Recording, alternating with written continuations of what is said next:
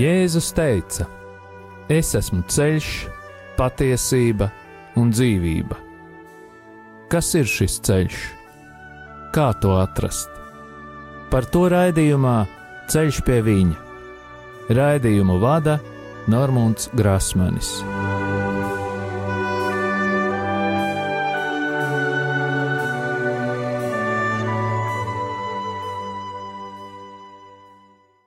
Šodien mēs tiekamies ar eh, tēvu Jozefu Semakulu, kurš šobrīd Latvijā vada rekolekcijas, kurās ir aicinātas konsekrētās personas un aicināti kalpotāji. Un eh, tālāk es gribētu, lai viņš stādītos jums priekšā, un šo mūsu sarunu tulkos priesteris Aivars Līcis. Thank you very much. My name's um, Father Yosefu Balikudembe Semakula. I originally come from Uganda and I have lived and worked in the US, in the United States, for more than 10 years.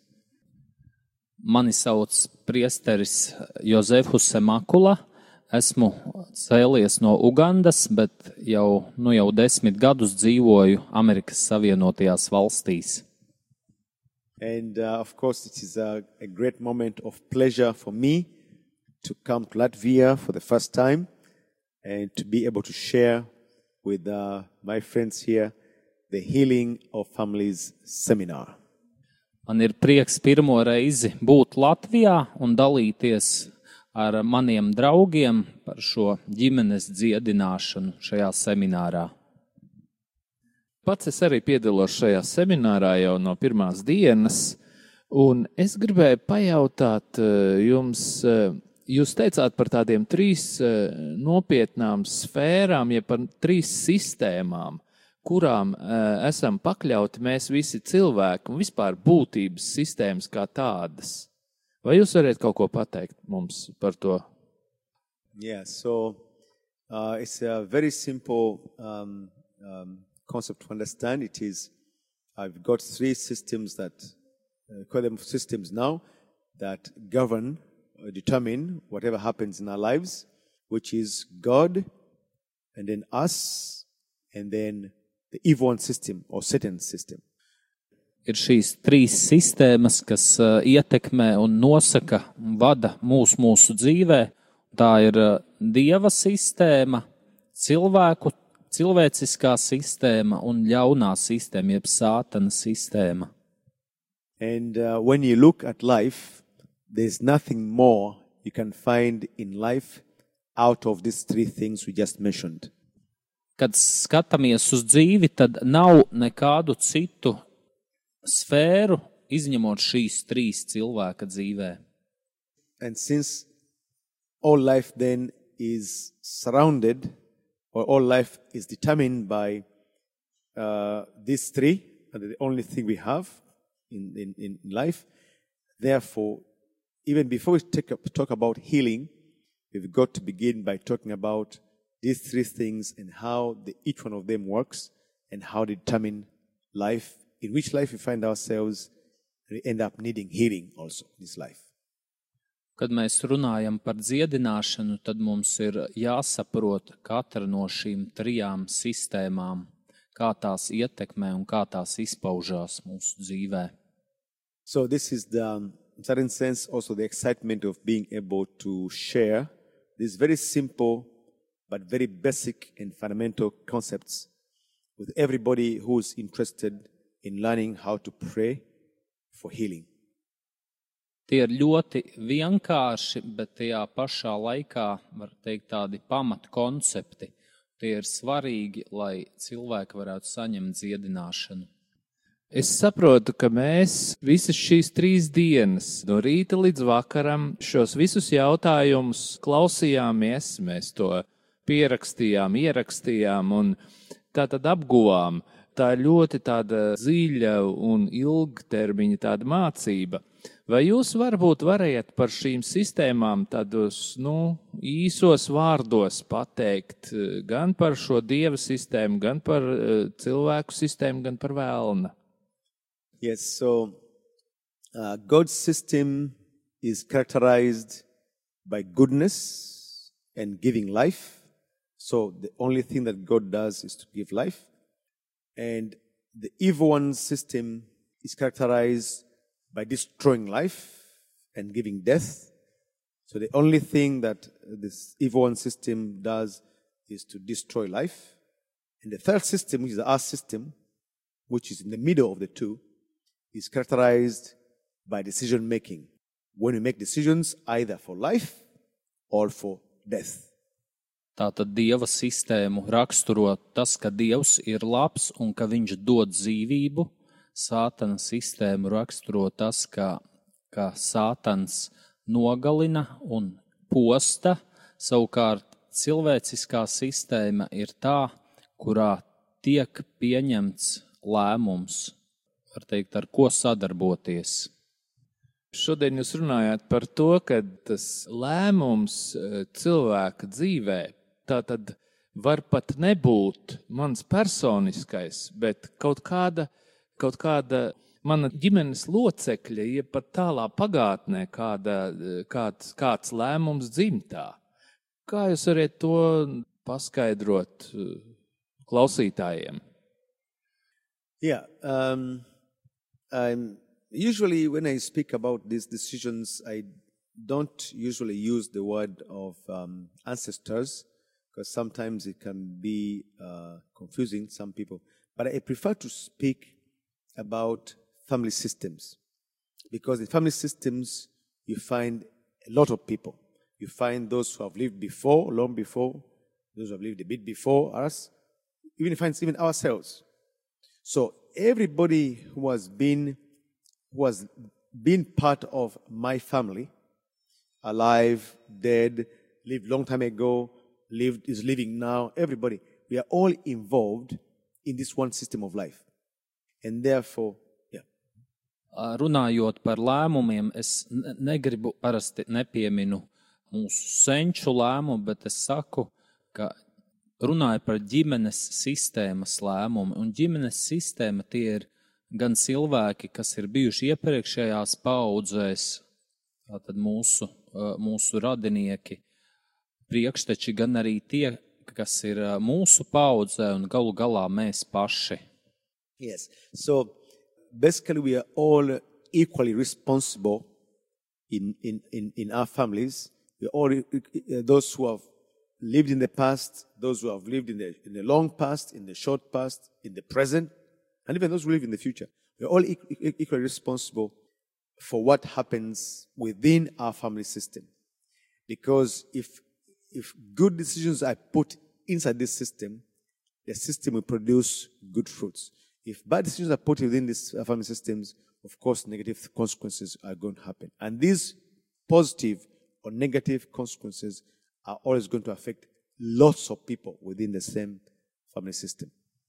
Tātad ģimenes sistēmā dažādas paudzes ir vienlīdzīgi atbildīgas par lēmumu pieņemšanu, jo lēmums tātad gan pozitīvs, gan, gan negatīvs lēmums ietekmē ļoti daudzus cilvēkus, gan mūsu pašus, gan, gan tos, kas būs pēc tam gan arī mūsu priekšteču lēmumi ietekmē mūsu nākamās paudzes. Jūs daudz runājāt par vārda spēku, un es saprotu, ka bieži vien šie lēmumi, ja, jeb tās izvēles, viņas ir saistītas ar to, nu, ka tiek pateikts ar vārdiem kaut kāds solījums dot, dots vai kaut kāds. Ko jūs varat par to nedaudz pastāstīt? Yeah. Um, of course, the power of decision runs everything in our lives. It runs, it, it determines what is going to happen to our lives and what is not going to happen to our lives. So, the power of the word that we all have by nature, given as a gift of God, will also be influenced in this uh, by this power decision. I can decide to use this power positively, so speak good things to people, that good things may happen to them, and also decide to use this power negatively and speak negative, uh, bad things to people, and bad things may happen to people as well. Tātad lēmuma spēkam ir ilglaicīgas sekas, un dāvana, ko Dievs ir devis, šī runāt spēja, viņu mēs izmantojot arī varam iegūt gan, gan um, negatīvus, gan, ne, gan negatīvas sekas, gan, gan labus augļus ilglaicīgā mērogā, ņemot vērā šīs dāvanas uh, lielumu un spēku.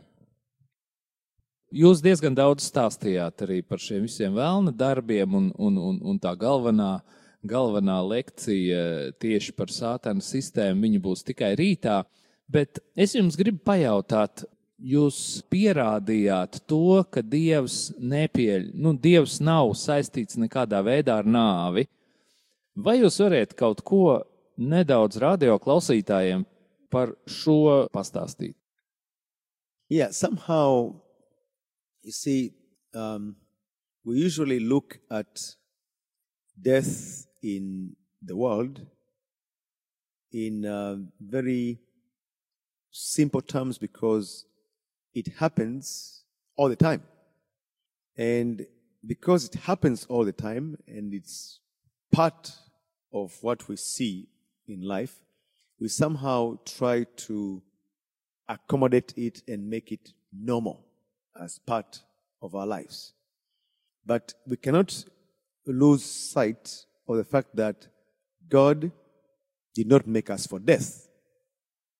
And the book of wisdom also says that God did not make death. Mēs varētu uztvert nāvi tā pārāk vienkāršot, jo mēs ar viņu ļoti bieži saskaramies. Mums jāapzinās um, tas bibliskais skatījums un arī kas ir gudrības grāmatā minēts Sālamana, ka Dievs nav nāves autors. So death then becomes uh, becomes a, an obstruction. It becomes something that goes against what God had originally designed for human beings.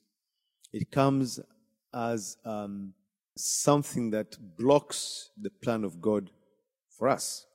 So, what do we say about death today?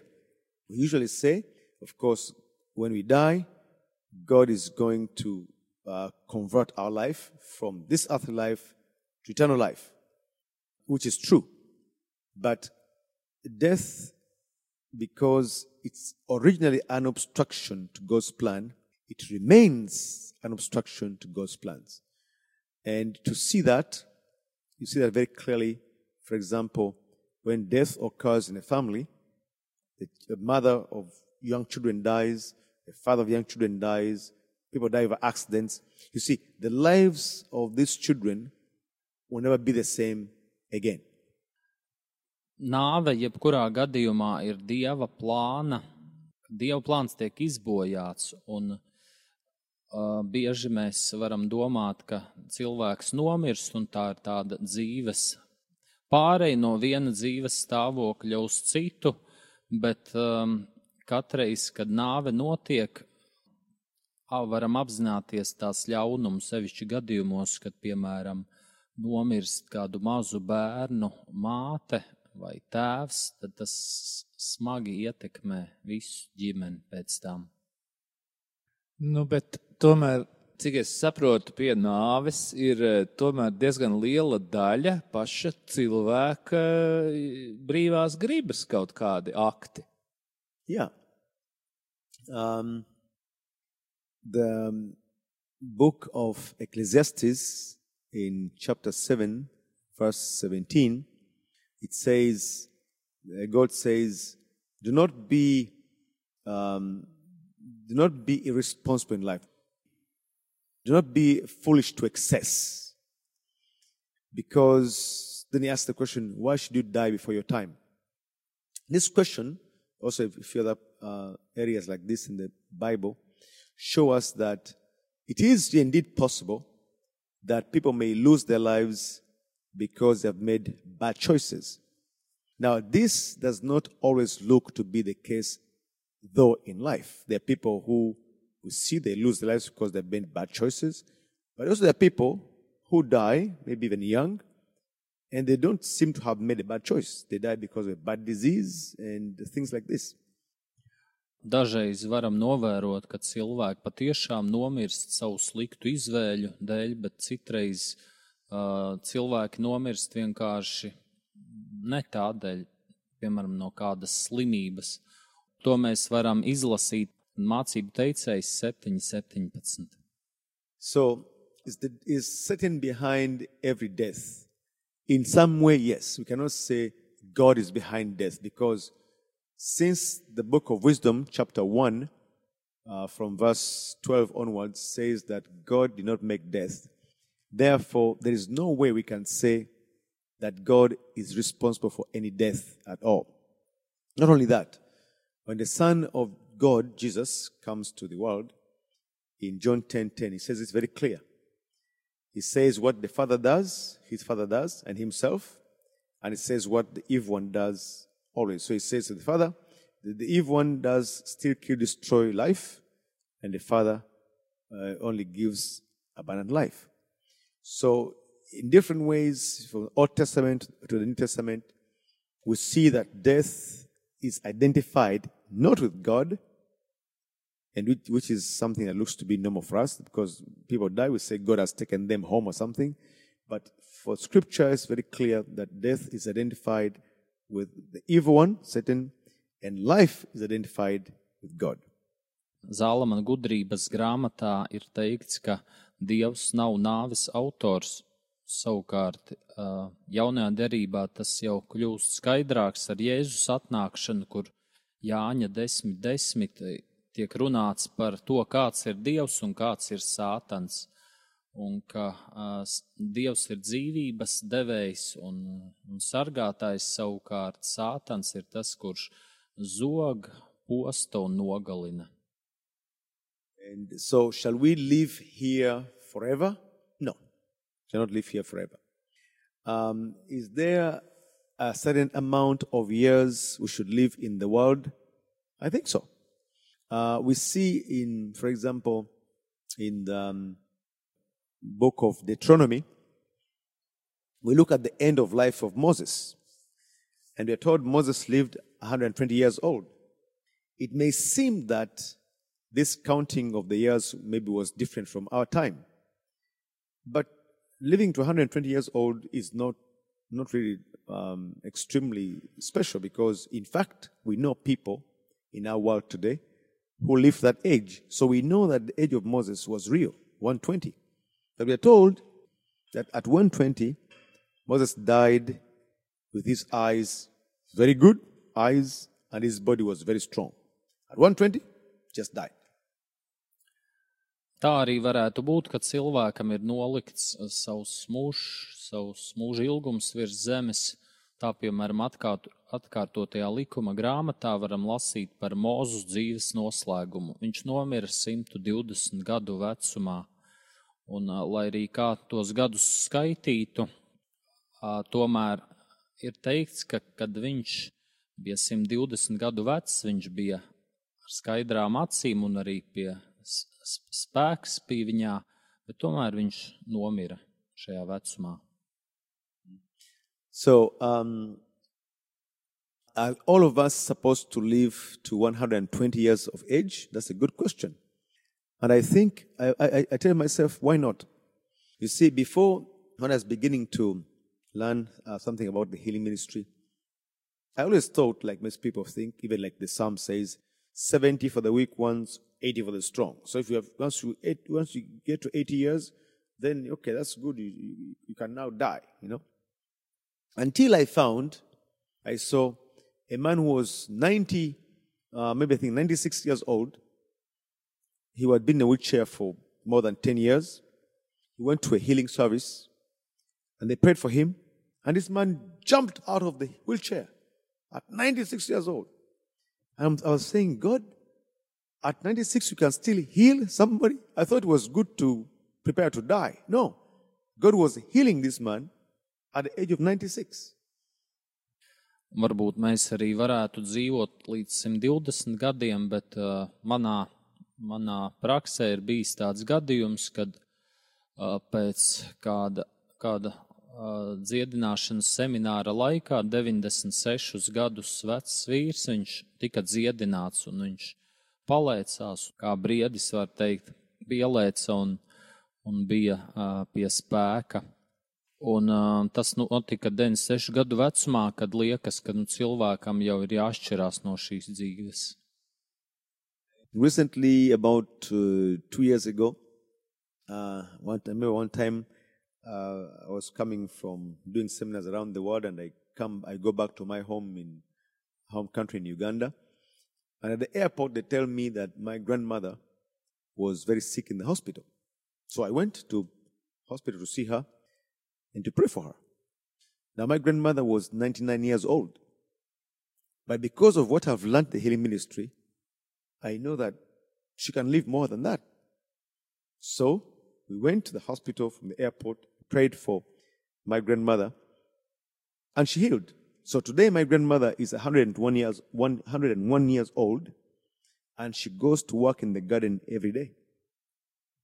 Pirms diviem gadiem es atgriezos no saviem semināriem pasaulē, savā dzimtenē, Ugandā, un lidostā uzzināju, ka mana vecmāmiņa, kurai tolaik bija 99 gadi, ir saslimusi, un es aizbraucu pie viņas uz slimnīcu, un ņemot, vēro, ņemot vērā manu šo pieredzi dziedināšanas jomā, tad es par viņu aizlūdzu, un viņa izvesaļojās, un tagad viņa joprojām ir dzīva, viņai ir 101 gads.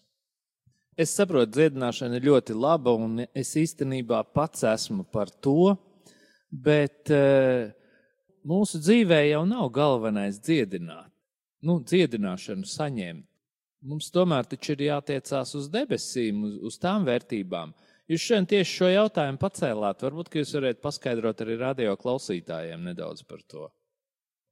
It is true that whatever we'll, we'll, do here in the world, whatever happens, we shall leave the world one day. We cannot live here forever. But it is very uh, powerful that Jesus, as he preaches the gospel, he's always healing people. So we understand that healing, in fact, in, in, in the gospel, you've got about maybe 30, 37, 38 miracles of Jesus. And the majority of this, at least 20, 25, maybe between 20, maybe 27 of them out of the 37, 38, they are all miracles of healing.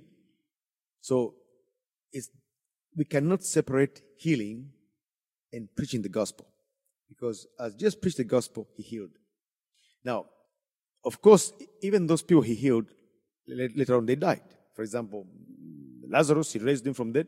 He's now dead. He's not there. And all those people that he healed, they are all dead today. But what was the importance of healing and the kingdom of God where we shall live forever? That how, what, what connection that just make between this healing and the kingdom of God where we shall live forever? Evanģēlijos no kādiem 3, 37 vai 8 brīnumiem, apmēram 25 ir tieši dziedināšanas, un tas norāda arī uz, uz to, ka dziedināšana evaņģēlijā Jēzus misijā ir vienopus ar sludināšanu, ka viņai ir liela nozīme piešķirta Jēzus acīs. So, when Jesus heals people, he's going to give us a few examples to show that he's also interested in a spiritual healing. Uh, remember, for example, the man he says, uh, I want to show that the Son of Man has got power to forgive sins on earth. Get up and walk, you know?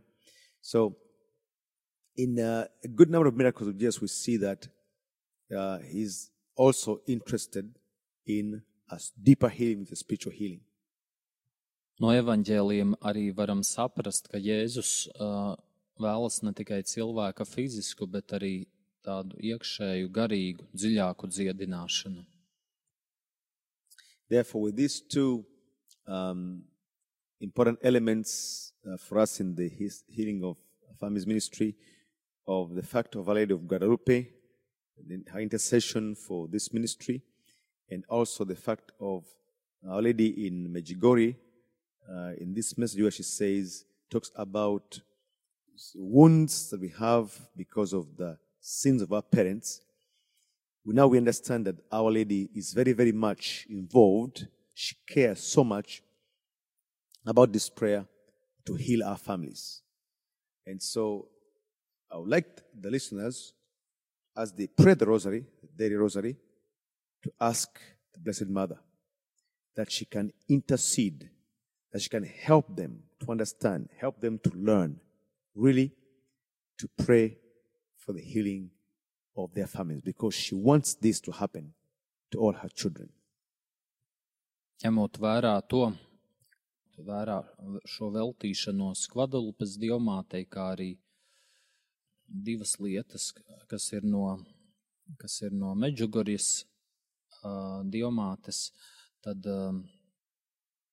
uzticot sevi diamātes aizbildniecībai, varam saņemt dziedināšanu no Dieva, jo viņa ir māte, kura mīl savus bērnus. Es pateicos jums, kad bijāt gatavs runāt ar mums, runāt ar radio arī klausītājiem, un mēs tulkosim jūsu grāmatu un centīsimies izplatīt jūsu mācību arī šeit Latvijā. Very good. I'll be very happy that happens. And that would mean that once I have uh, begun this mission here, you will be able to take it ahead as other people have done in their own countries. Priecīgs par šādu apņēmību Latvijā un ceru, ka patiešām šī, šī ģimenes dziedināšanas kalpojums tiks nodots tālāks un nes, tālāk un nesīs augļus. Paldies! Noslēgumā mēs lūgsim aizsardzības lūgšanu. Kungs Jēzu! Pateicos Tev par Tavu brīnišķīgo dziedināšanas un atbrīvošanas kalpošanu. Pateicos par Tevis veikto dziedināšanu un arī par tām, kuras turpināsies manu lūgšanu rezultātā. Mēs saprotam, ka mūsu cilvēciskā daba nespēja panest mūsu slimības un ļaunumu. Tādēļ lūdzu, attīri, šķīstī mūs no jebkurām skumjām negativitātes, izmisuma, kuru mēs iespējams esam uzņēmuši. Ja man ir bijis kārdinājums padoties dusmām, neiecietībai vai iekārai, attīri man no šiem kārdinājumiem un aizstāj tos ar mīlestību, prieku un mieru. Ja mūs jau kādā veidā pārņēmis un nomācis kāds ļauns gars, Jēzus vārdā es tev tagad pavēlu aiziet zemes, gaisa, uguns vai ūdens gars, nāves valstības vai dabas gars tieši pie Jēzus, lai tiem notiek pēc viņu gribas. Nāc svētais gars, atjauno mūs, piepildi mūs atkal ar savu spēku, ar savu dzīvību un prieku. Stiprini mūs tur, kur jūtamies vāji, un apklāj mūs ar savu gaismu. Piepildi mūs ar dzīvību, Marija, visu svētā Jēzus māte, mūsu māte, Svētais arcēnģeli Mihēl. Mēs pateicamies par jūsu aizbildniecību. Kungs Jēzu! lūdzu, sūti savus svētos eņģeļus kalpot mums un mūsu ģimenēm, apsargāt un aizstāvēt mūs no visām slimībām, ievainojumiem un nelaimes gadījumiem. Lai mūsu ceļojumi ir droši, mēs tevi slavējam tagad un vienmēr. Tēvs, dēls un svētais gars. To visu mēs lūdzam Jēzus svētajā vārdā lai tas tiek pagodināts. Āmen!